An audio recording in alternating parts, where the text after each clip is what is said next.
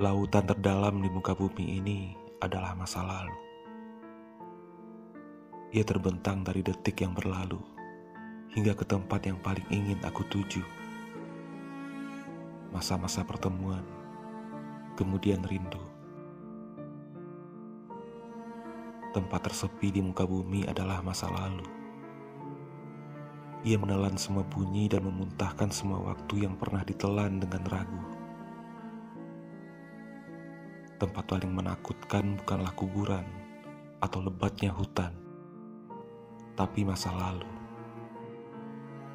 Ia mengajakku bertamasya ke dalam jurang, lalu memberi harapan bahwa di atas sana langit masih ada.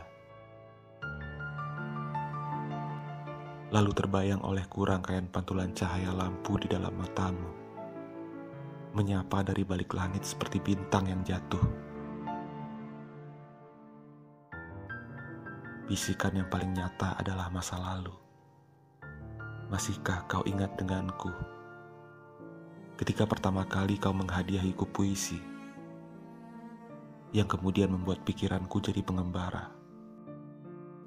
Berburu senja dan sekumpulan bintang di punggung bulan yang telanjang. Sampai aku lupa bagaimana cara untuk pulang ke hari ini.